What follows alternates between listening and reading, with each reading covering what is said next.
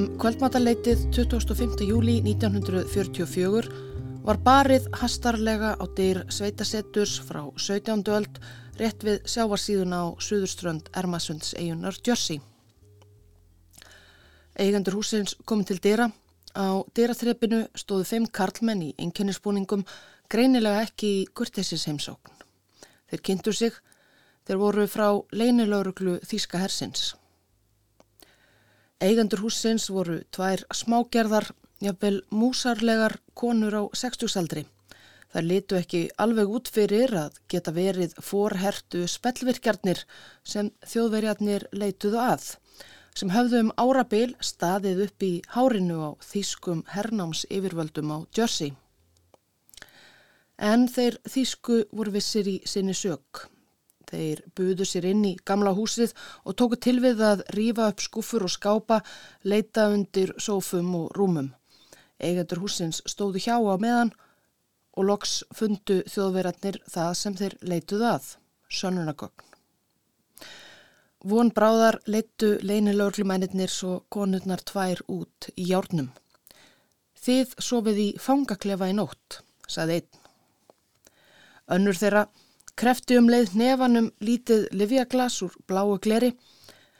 Hjartalefin, sað hún aðkomumönunum, við þurfum á þeim að halda. Leini lauruglumönunum fannst ekki ástæða til að draga það í efa. Auðvitað þyrtu þær hjartalef þær gömlu. En í bláa livjaglasinu voru þó engar hjartapillur. Spellvirkjarnir tveir ætluði sér ekki að lenda í þískra höndum á lífi. Þetta var eitur. Von bráðar kæmu endalókin síðasta vendingin í ótrúlegu og óvenjulegu lífslaupi þeirra begja.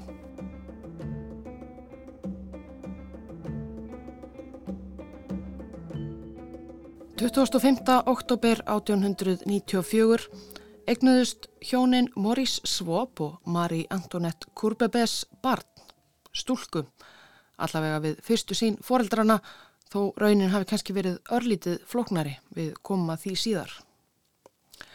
Morís og Marie Antoinette tilherðu intelligensju nantsborgar í Fraklandi. Morís Svob var reittstjóri dagblaðs í borginni, bróðir hans Marcel Svob var kunnur reittöfundur og symbolisti. Í ættartrénu voru fleiri skrýpendar og listaspýrur og þeir bræður Morís og Marcel þekktu marga helstu listamenn og menningarvita Fraklands á þessum tíma og utan landsins. Þeir töldu til dæmis sjálfan Oscar Wilde til vina sinna. Barnið sem fættist í oktober 1894 fekk nafnið Lucy. Svobarnir voru geðingar og á fyrstu æfi árum Lucy var dreifusarmálið í hámæli og síndi skýrt og greinilega geðingahatur og fordóma í fransku samfélagi. Svob fjölskyldan hafði það þó ágætt, virt og vel stæð eða allavega utanfrá séð. Marie Antoinette, móður Lucy, var alvarlega geðveik sem litaði mjög heimilislífið árein sem Lucy var að vaksa ár grassi og hann myndist síðar. Móðu mín var offeit og þjökuð af geðveiki. Það er minn gæti ekki bóðið mér annað á sjóra ámalistægin en mér þykir leitt að hafa fært þig inn í þennan heim með tári í augunum. Ég hvertaði ekki. Ég tjáði mig eins lítið og hægt var. Ég hef ekki geta verið þægara bann. Marie Antoinette var að lokum vistuð á geðvegrahæli og kvarf út úr lífi Lucy og fjölskyldunar. Barnið veltist síðan lengi milli ímissa ættingja, frængu, ömmu, þar sem fadurinn riðstjórin vann náttana á milli. Hán gekk í goða skóla og gekk vel, snemma byrjaði að lesa tyrfnar nútíma bókmendir, en sem smágerður bókabjöðus og geðingur að auki átti kannski ekki sjötagana sæla alltaf í skóla.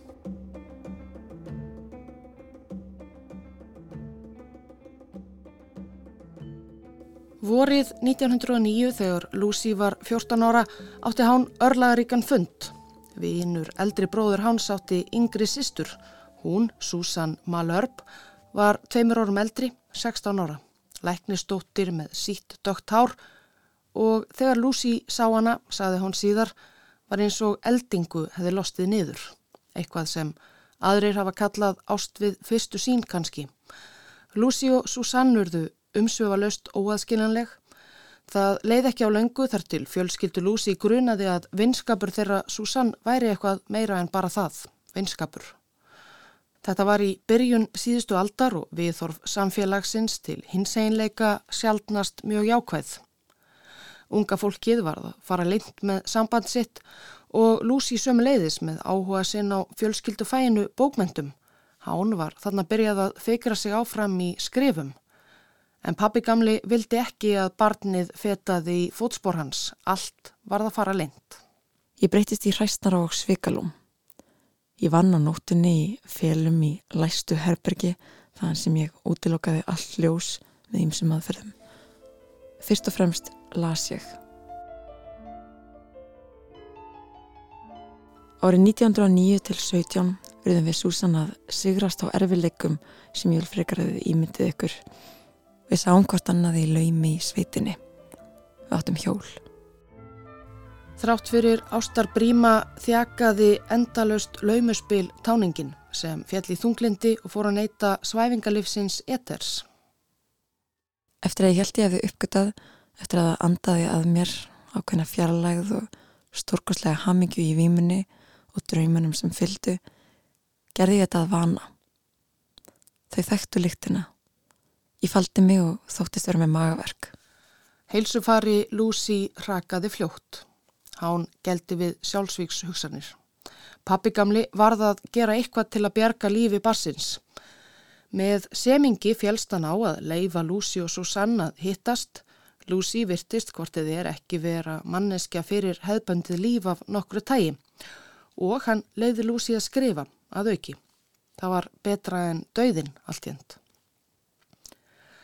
1915, þegar Lucy var á 21. aldursári og Susanne 23, gerði svo það að fadir Susanne lest og fadir Lucy, Morris Swob, bað umsvegalust um hönd ekju hans. Fjölskyldurnar þekktustjú frá fornu fari og móðir Lucy, Marie Antoinette, var löngu horfin eitthvaðinn í gíðin geðvegrahælis. Þau giftust og elskendurnir Lucy og Susanne urðu allt í einu í augum samfélagsins fyrir utan stjúpsistur. Það var svo sem ágætt lending, sisturnar meintu fengu sér íbúð saman í miðborg Nónt og hófu búskap.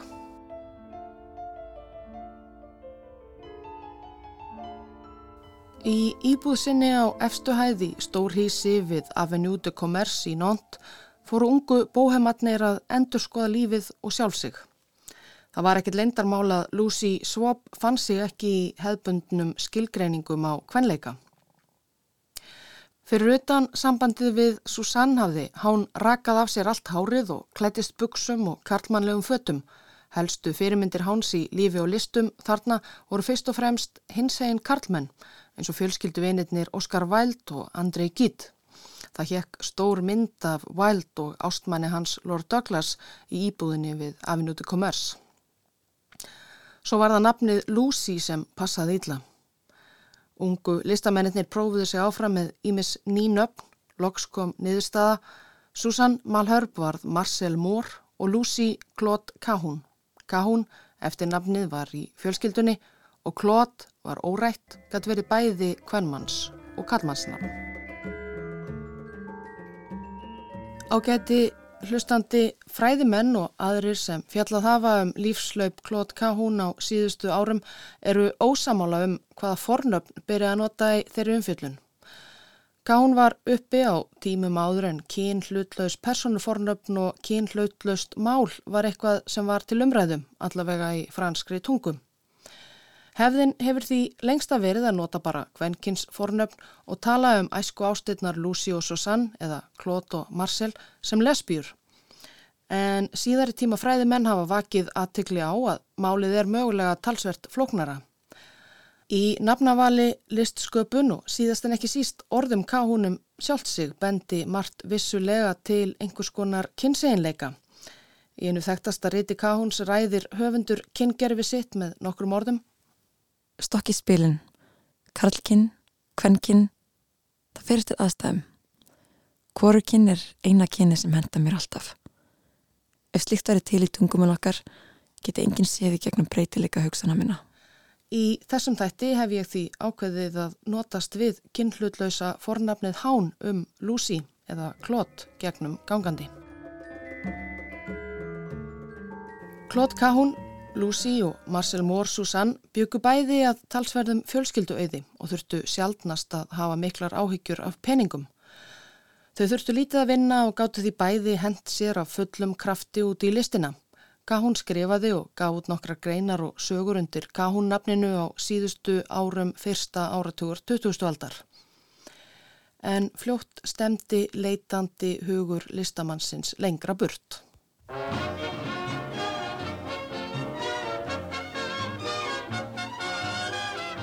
Upp úr 1920 fluttu Claude Cahun og Marcel Moore til Parísar, höfuðborgar listarinnar í Evrópu. Þau fengu sér íbúð í Montparnasse á vinstri bakka Signu innan um ótalaðra framsýna og rótæka listamenn. Og hins einn fólk, sömuleiðis. Þetta voru spennandi tímar að upplifa listi semtir Parísarborgar. Eftir fyrir heimstyrjöld tóku konur aukið pláss í samfélaginu höfðu gengið í karlastörf á stríðstímum þegar karladnir hurfu á vývöllin og öðlast aukið sjálfströst. Verið var að augra æfa gömlum niður njörfuðum kynjalhutverkum og samfélagið varð opnara, gaf hún á múrurðu fastagestir í Shakespeare Company, ennsku bókabúð lesbíunar Silvíu Beats sem og franskri bókabúð unnustu hennar Adrienne Monnier. Margir helstu ungu og spennandi listamenn Parísar vöndu komu sínar í Shakespeare Company og Claude Cahun og Marcel Moore fjallu auðveldlega inn í samfélag þeirra. Cahun bjó vel að tengslum svop fjölskyldunar þó hán hefði sagt skilið við eftirnafnið. Í adressubók Cahun frá þessum tíma má lesa nöfn og símanúmer fólksins og Andrei Gitt, Max Ernst, Salvador Dali, Andrei Breton og Gertrúd Stein rúmgóð íbúð Kahún og Móri Montparnasse varð svo að fjölsóttum viðkomastað listafólks og menningarvita. Í íbúðinni í Montparnasse fóru Kahún og Mór líka að skapa þau listaverk sem áttu eftir að verða þeirra þekktustu verk, þó ekki í lifanda lífi. Þau tóku myndir. Flest bendir til þess að Mór hafi oftast verið bak við myndavilna því oftast er Kahún fyrirsætan. Klót Kahún á svörstum bakgrunni snóðað í jakkafötum með aðra höndina á mjöðminni gæjalegt. Klót Kahún en snóðað í hugleðslu stöðu í bútískum munkakubli. Klót Kahún í stuttum glansandi kjól og með vangi á bakinu eins og augrandi skellibjalla ár Petur Pan. Klót Kahún í síðum köplóttum kjól með fasta fléttu og höfði og þykkan andlitsfarða eins og þjóðbúningadúka. Klót Kahún með stutt svart hár, tveir sleiktir lokkar niður á enni í íþróttafötum með stór lóð í báðum höndum. Þetta er þó engin venjulegur kraftajötun. Á kynum hans eru máluð hjörtu og íþróttabólnum stendur ekki kissa mig, ég er í þjálfun. Nokkur dæmi um ljósmyndir sem Mór og Kahún tóku af Kahún á þriði áratug síðustu aldar. Súrealískur kynusli er leiðarstef ljósmyndana. Þau leika sér að kyni og kyngerfi rétt eins og þau gera búningum og andlisfarða. En þessar ljósmyndir sá bara þeirra nánustu vinir fyrstum sinn. Gaf hún hjælt áfram að fást helstaföllu við skriftir. Gaf út nokkrar bækur sem mæltust misjablega fyrir, þóttu nokkuð framústefnulegar og tyrfnar fyrir utan að nokkrar fjölluðu opinskátt um hins einleika og hins ein ástir. Claude Cahún og Marcel Moore voru líka vissulega pólitísk og með meiningar. Á ofanverðum þriðja og í byrjun fjórða áratugar 20. aldar tók sírlegi Cahún nokkur þátt í róttæku starfi listamanna í París gegn heimsvaldastefnu og hægri mennsku, hópum eins og kontratakk, sambandi, byltingar sinnaðara menningarvita með súrealista páfanum Andri Breton og fleirum.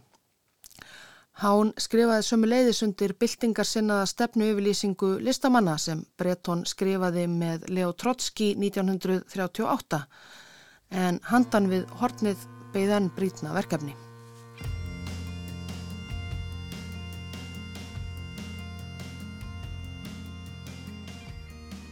Upp úr meðjum fjórða ára tugfór klót Kahón að líða verð og verð í París.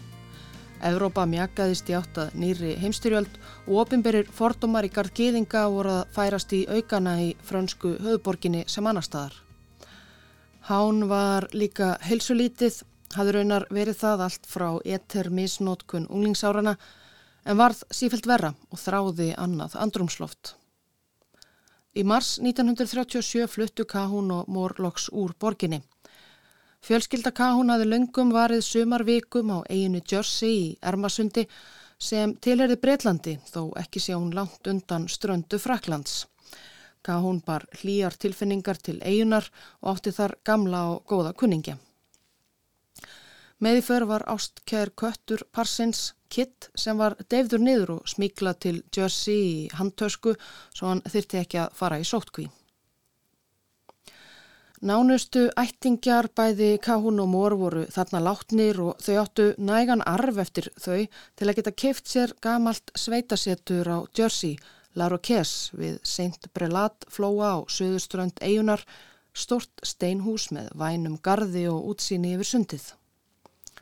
Með öllu indislegt umhverfi en samfélagið á Jersey í búarárið 1937 eitthvað um 50.000 var nokkuð annað en svo ringiða rótæks fólks í höfuborg Fraklands sem Kahún og Mór sögðu skilið við.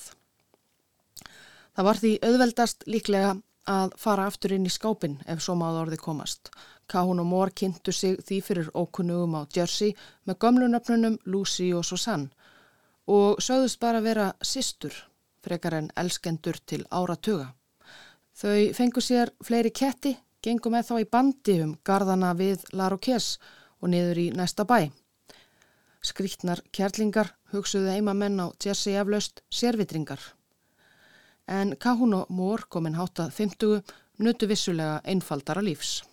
Tálvonum endalust frí, garður sem þegar var í blóma, virtist sem það eina sem eftir væri væri að kynast trjánum, fugglunum, hurðunum, glukkunum og finna í koffartinu réttu flíkina síða eða stutta til að dífa sér í sólina og sjóin. Sisturnar sem alls ekki voru sistur heldu þó áfram ímiskonar listsköpun bak við luktardirnar á sveitasetrinu við Seintbralat flóa. Á myndum frá þessum tíma pósar Kahún létt klætt í blómahafi meðal annars og allskins undarlegum búningum. Vinir frá París voru tíðir gestir til lengri eða skemri tíma en yfir sveitasælunni var þungi. Ég held að frá 1937 til 1940 hafi ég fundið á mér að stríð væri yfirvóðandi. Án þess að ég vildi trúa því.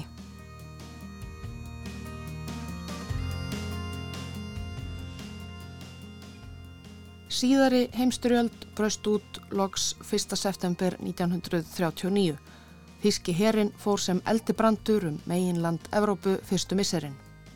Í júni 1940 höfðu Þískir lagt stóran hluta Fraklands undir sig og nokkuð ljóst var að breska eigan Jersey rétt undan ströndu Fraklands myndi ekki sleppa þó lítil væri.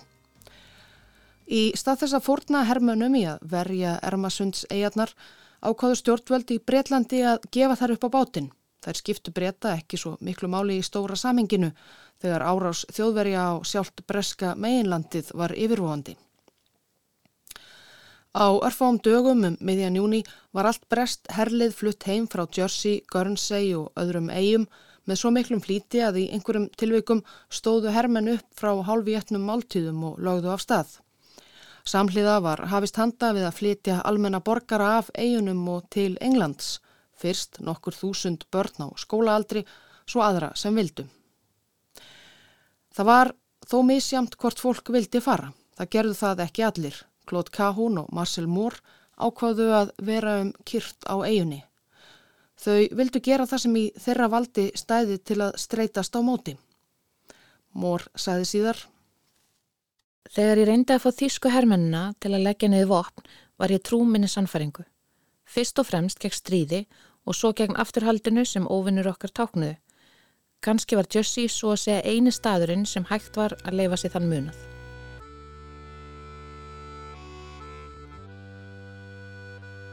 –28. júni vörpuðu þýskar flugvilar sprengjum á St. Helier höfnina á Jössi. Svo mikil leint hafði verið yfir hermana og fólksflottanum frá Ermarsunds eigunum að þjóðverjar vissu ekki að eigutnar væru varnarlausar. Klót Kahún satt út í gardinum við Larokés þegar sprengju flugvilarnar flugu yfir, svo látt að hán gatt greint andlið strætti flugmannana. Svo káðu við sprengingar og reykur steig upp úr höfninni. Nýju óbreyttir eigarskeggjar við höfnina letu lífið í árásinni. Fleiri, nokkrir tugir manna, letust í sprengju árásum á granneginni Görnsegjum svipa leiti. Von Bráðar lendu svo skip með þýskum hermönum frá Fraklandi á eiginni og Jersey var fljótt kyrfilega undir þýskum yfiráðum. Við liðum vennilegu lífi á yfirborðinu. Garðurinn, sundferðir, útvarpið. Dagbladið var þegar orðið algjörlega viðbjöðslegt. Við þurftum samt að kaupa það. Það komi nýjar tilskipanir á hverjum degi. Þó að enn hafi verið hægt að synda í sjónum settu Þísk hernáms yfirvöld alls konar nýja reglur og skorður sem gjör breyttu daglegu lífi á Jersey. Allir sem eftir voru á eigunum þurftu að skrá sig og geðingar auðvitað sérstaklega. Vopn voru gerð upptæk, myndavélar og ímis annar tækjabúnaður og varningur. Stránt eftirlit var haft með fjölmiðlum og útgáfu, mál og samkommufrelsi skert og þýskum áróðuri demt yfir eigarskeggja í sífellu. Matarskömmtun var tekin upp og fiskimenn eigarinnar örðu að skila öllum fengsínum beint til þjóðverja. Frá uppafi streyttust Kahún og Mór á móti. Kahún tók ekki fram í sinni skráningu að hán væri af geðingættum að sjálfsögðu ekki það hefði verið hættulegt og lang flestir geðingar eigunar voru þegar flúnir og Mór tók það heldur ekki fram að hún talaði reybrennandi þýsku. Slíkt hefði vafalöst vakið grunnsendir. Here is the midnight news and this is Alvar Liddell reading it. Á einangraðri smá eigu í Ermarsundi undir hernámi varð útvarpið söguhetjum okkar helsta haldreipið. Útsendingar breska ríkisútarsins BBC náðust vel í Jersey og þannig gáttu þau fylst með því sem í raun og veru var að gerast í heimstyrjöldinni. Franska útvarpið var löngu orði mettað af áróðri. Þau hlustuðu á fréttir af blitz loftárásum á Bretland og bardugum á meginlandinu. This is London.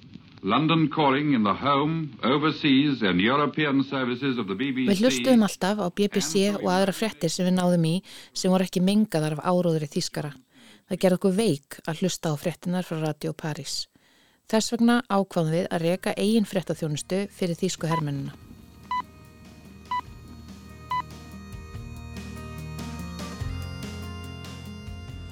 Kahún hafði velt þessu fyrir sér þegar hán gekkum eiguna og virti fyrir sér þýsku hermennina, marserandi á daginn og ráfandi druknir eftir gleðskap á kvöldin, varla voru þessir ungu menn allt saman forhertir nazistar. Engverjir hlutu að vera sæmilegirinn við beinið og ef svo væri ekki hægt að snúa þeim, hvetja þá til andofs og uppreysnar. Kahún og Mór hefði ákveðið að vera áfram á Jersey til þess að reyna að gera sitt í styrjöldinni. Þau ákvaðu að fara að dreifa þeirra eigin áróðri.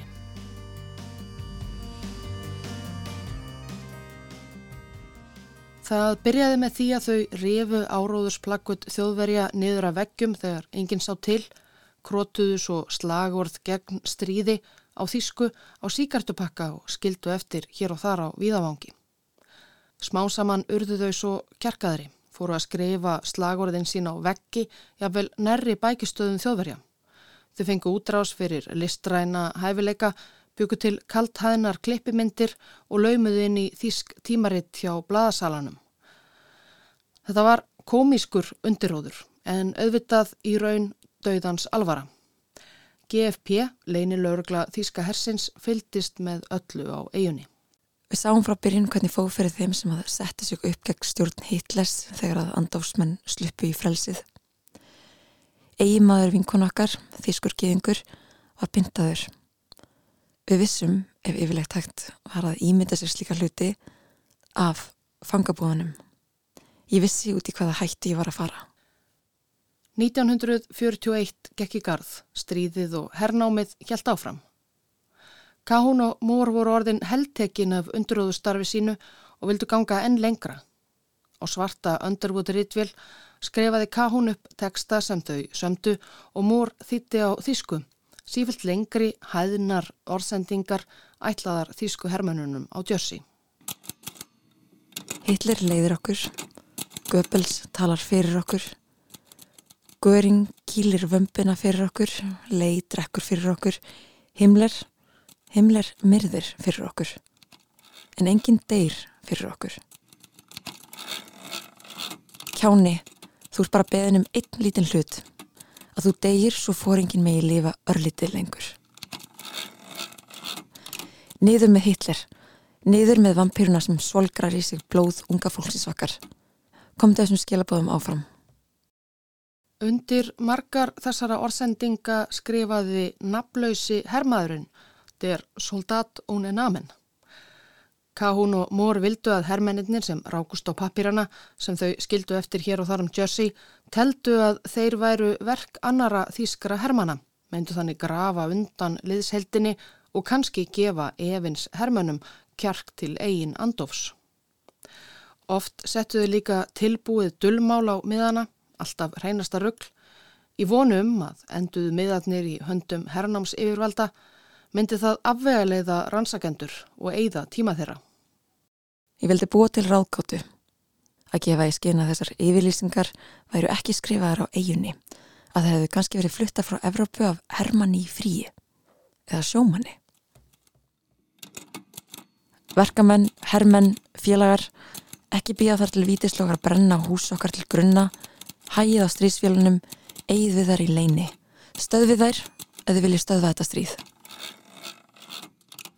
Pappismiðum eins og þessum laumuðu þau einnig í vasa hermanna sem þau gengu framhjá, rendu þeim ofan í skjálatöskur og stígvill.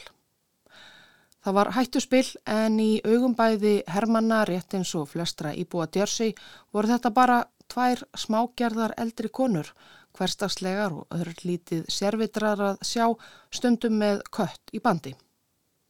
Við gætum ekki hafa verið ómerkilegur að sjá að hattlaus í gömlum ljósbrunum göngustöfbuðuksum og með gúmistígul á fótunum, í bómullar eða ullaskirtum eftir hitastígi og karlmælegum jökkum. Þegar við gengum um bæin í rekkápum, börbri, svo við vorum með marga vasa fyrir pappiran okkar, trefla og ullar vettlinga við veturinn og innkaupa póka sem fjárvistasunun. Við vorum bændur og dætur og eiginkonur af borgarstjætt. Við litum alveg eins út og meir hluti íbúa eiginni. En þau voru vissulega meðvituð um hættuna. Kahún átti oft erfitt með svefn og notaði stert barbitúrlif Gardinal við svefleysinu. Og þau fóru aldrei út að dreifa áróðri án þess að vera með nokkra tugi Gardinal tapluna meðferðis í bláu livjaglasi. Ef skekk kynni að þau erði gripin Glóðvolk, Klót Kahún og Marcel Mór hugnaðist ekki að lenda í höndum þjóðverja lifandi.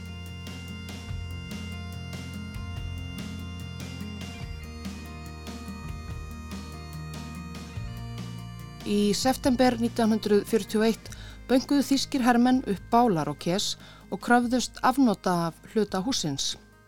Kahún og Mór hafðu óttast þetta Þjóðverjar höfðu lagt undir sig fjölda fastegna á eiginni og þau byggu tvö með einni þjónustu konu á stóru sveitasettri sem þar að auki var undirlagt af róttækri list og bókmentum og enverra útbúnaði sem þau notuðu í undiróðursvinnuna.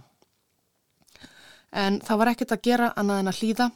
Kahún og mór fengu sólaring til að tæma nokkur herbergi, já og fela sönnhörnargögn og degi síðar fluttu fjórir þýskir hermeninn. Kahún og Mór komið sér fyrir í tveimur herbækjum í hinum enda húsins. Nú urðu þau að fara að öllu með enn meiri gátt, en ekki kom til greina að hætta.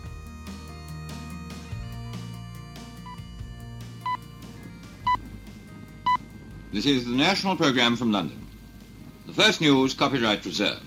Í júni 1942 bönnuðu þýsk hernáms yfirvöld á Jersey óbreyttum borgurum að eiga útvarp. Öllum var gert að skila þeim inn til yfirvalda. Útvarstækið það verið Kahún og Mór ómetanlegur meðhjálpari. Þær fréttir sem dátatnir á Jersey fengu voru oftar en ekki bísna gamlar eftir að hafa verst lengi í áróðusvél þýska hersins. Kahún og Mór með aðgangað nýjustu fréttum BBC gáttu auðveldið að sett fram spátdóma um framtíðina í rillingum sínum sem alltaf reyndust sannir. En nú urðu þau að skila inn útarstækinu sínu en kiftu nær samstundis annað á svörtum markaði og geimdu kyrfilega læst inn í skáp. 1943. Stríðið fór að ganga þjóðverjum í óhag. Í orðsendingum naflausa Hermannsins sem enga tlustað á BBC hættist annað hryllingnum í Stalingrad, ósigurum Þíska hersins í Norður Afríku og víðar og hvatti Þíska dáta og Jersey til að grípa til aðgerða áður en þeir líka eruðu sendir í hakkavilina á Östurvíkstöðunum. Einn djarfan veðurdagum miðbyggárs 1943 strengdu Kahún og mór gríðarstóran borða þvert yfir eldstu kirkju Jersey þar sem stóð með stórum stöfum í þýsku fánalitunum, svörtum, rauðum og gulum Jésús er mikill en Hitler er meiri. Því Jésús dó fyrir fólkið en fólkið deyr fyrir Hitler. En rakvarir þýskra á výgvellinum höfðu sitt að segja á Jersey. Matarskamtatnir sem eigaskeggjar fengu frá yfirvöldum urðu sífylgta rýrari. Kahún, almennt heilsu veilt frá táningsárum, var orðið mjög veikburða. Og ekki með mikla matarlist yfir leitt, kötturinn Kidd fekk æg stærri hluta af kjötskamti þeirra. Það fekk á taugar þeirra begja að standa í stöðugu lífshættulegu leinimakki og það með þíska hermenn búandi í sömu byggingu. En þau gáttu heldur ekki hægt, þó ekkit bendi enn til þess að áróður þeirra hefði talið mörgum þískum hermannum hugkvarf. Þau reyndu allavega, en hafði yfirleitt einhver veitt starfi þeirra undanfarin tvö ár eftirtækt. Jú, vissulega. Fjöldin allur af ritlingum naflausa Hermannsins hafðu endað á borði yfir manna í leini herrlörglunni GFP á Jersey og þá fýsti mjög að vita hver herrmaðurinn væri.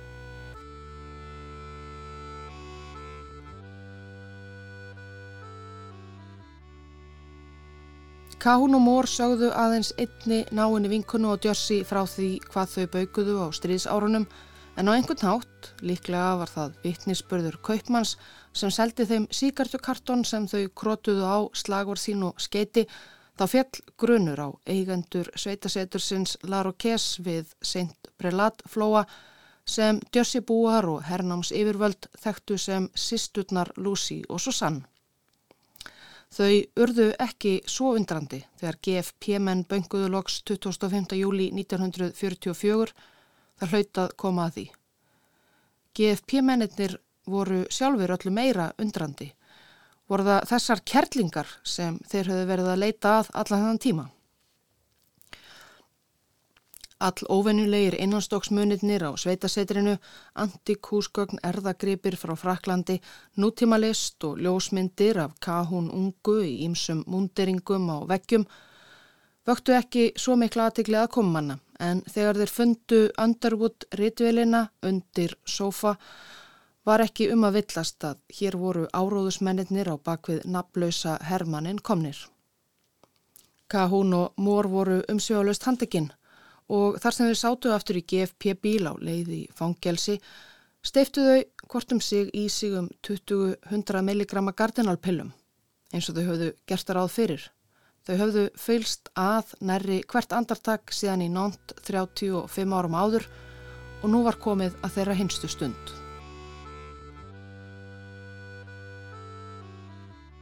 En Kahún og Mór höfðu fengið rángar upplýsingar um dauðaskamt af Gardinal. Þau hefðu þurft um þreysvarsinnum fleiri pillur til að svifta sér lífi þá og þegar. Svo að það eina sem gerðist var að þau mistu meðvitund skömmu eftir að komið var í herfangelsið í St. Helier á Suðurströnd Jersey og voru þessi stað flutt á sjúkrahús, pumpað upp úr þeim og svo í fangelsið aftur.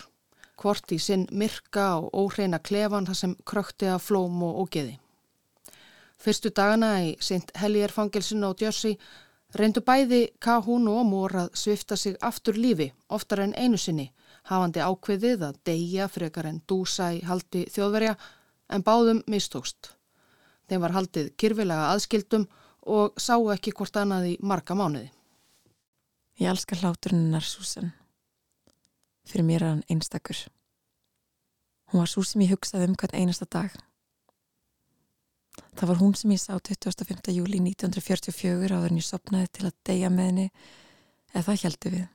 Svo var sama svefni Ef við vorum aðskilinn, einangruð hvort frá öðru, höfðum við minni kraft til að streytast gegn óvinnum okkar en sem saminnið fylking.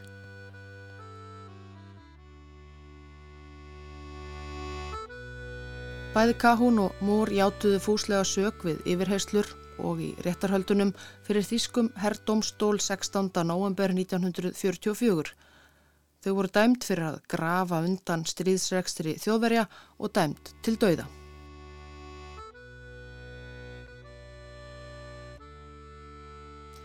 Hvern dag vítisvistar hinn að dauða dæmtu listamanna í fangilsinu og Jersey var ljósara að þjóðverjar voru að tapa stríðinu á meginlandinu. Árið 1945 gekk í garð og forgangsatriði þjóðverjana á Djörsi voru orðin önnur en að taka af lífi undirrúðurs fólk á 60-saldri. 20. februar 1945 var Claude Cahun og Marcel Moore tilkynnt að dauðadómur yfir þeim hefði verið feldur úr gildi. Cahun og Moore fengur lags að hittast á ný en þó innan vekja fangelsisins. Yesterday morning at 2.41 a.m. at General Eisenhower's headquarters. 8. mæ 1945 skrifaði þíski herrmarskalkurinn Vilhelm Keitel undir uppgjöf Þískalands fyrir bandamannum. Sama dag yfirgáfu síðustu þjóðverjarnir Jersey og dyrnar á herrfangelsi þjóðverja í St. Helier lukust upp. Claude Cahun, 51 árs og Marcel Moore, 53, stöluðust út meðal annara fanga veikburða og dösuð eftir næri árs fangelsisvist við ömurlegar aðstæður. At last, the freeing of the Channel Islands, the only British territory to be occupied by the Huns, was an accomplished fact. Hvarvetna á Ermarsunds eigunni var gleði við líði, sigur ræða Winston Churchills í hátölurum á Torkum, styrjöldinni var lokið.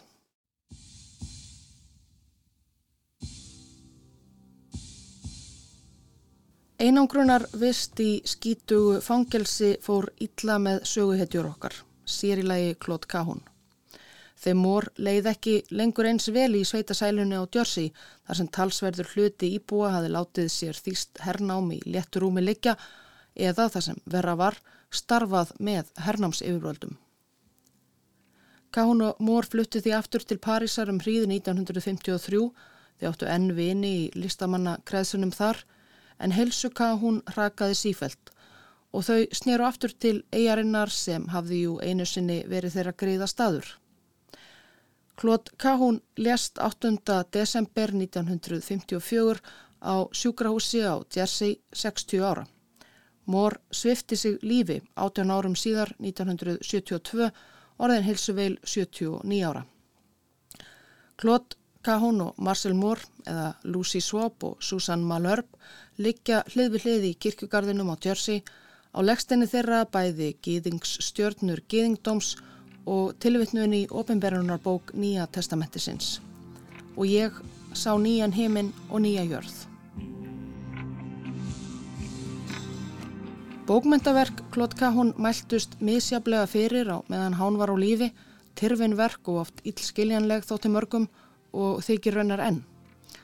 En myndrænverk Claude Cahun og Marcel Moore vöktu aukna aðtikli á nýjunda áratug síðustu aldar, ekki síst ljósmyndirnar sem að þó að Cahun sé þar æfinlega í forgrunni voru að öllum líkindum samvinuverkefni þeirra begja. Þá var komin nýjörð, nýjar kynnslóðir bæði, lista og fræðafólks fóruð augra, draga í efa gamlar hugmyndir um kynin og kyngerfi og kyn usli, kahúns og mór fjallar vel í kramið. Myndir þeirra hafa verið síndar á síningum um heimallan á síðustu árum og orðið ótal listamönnum inblástur David Bowie til dæmis var meðal þeirra sem heitluðust af kahún á þessum tíma.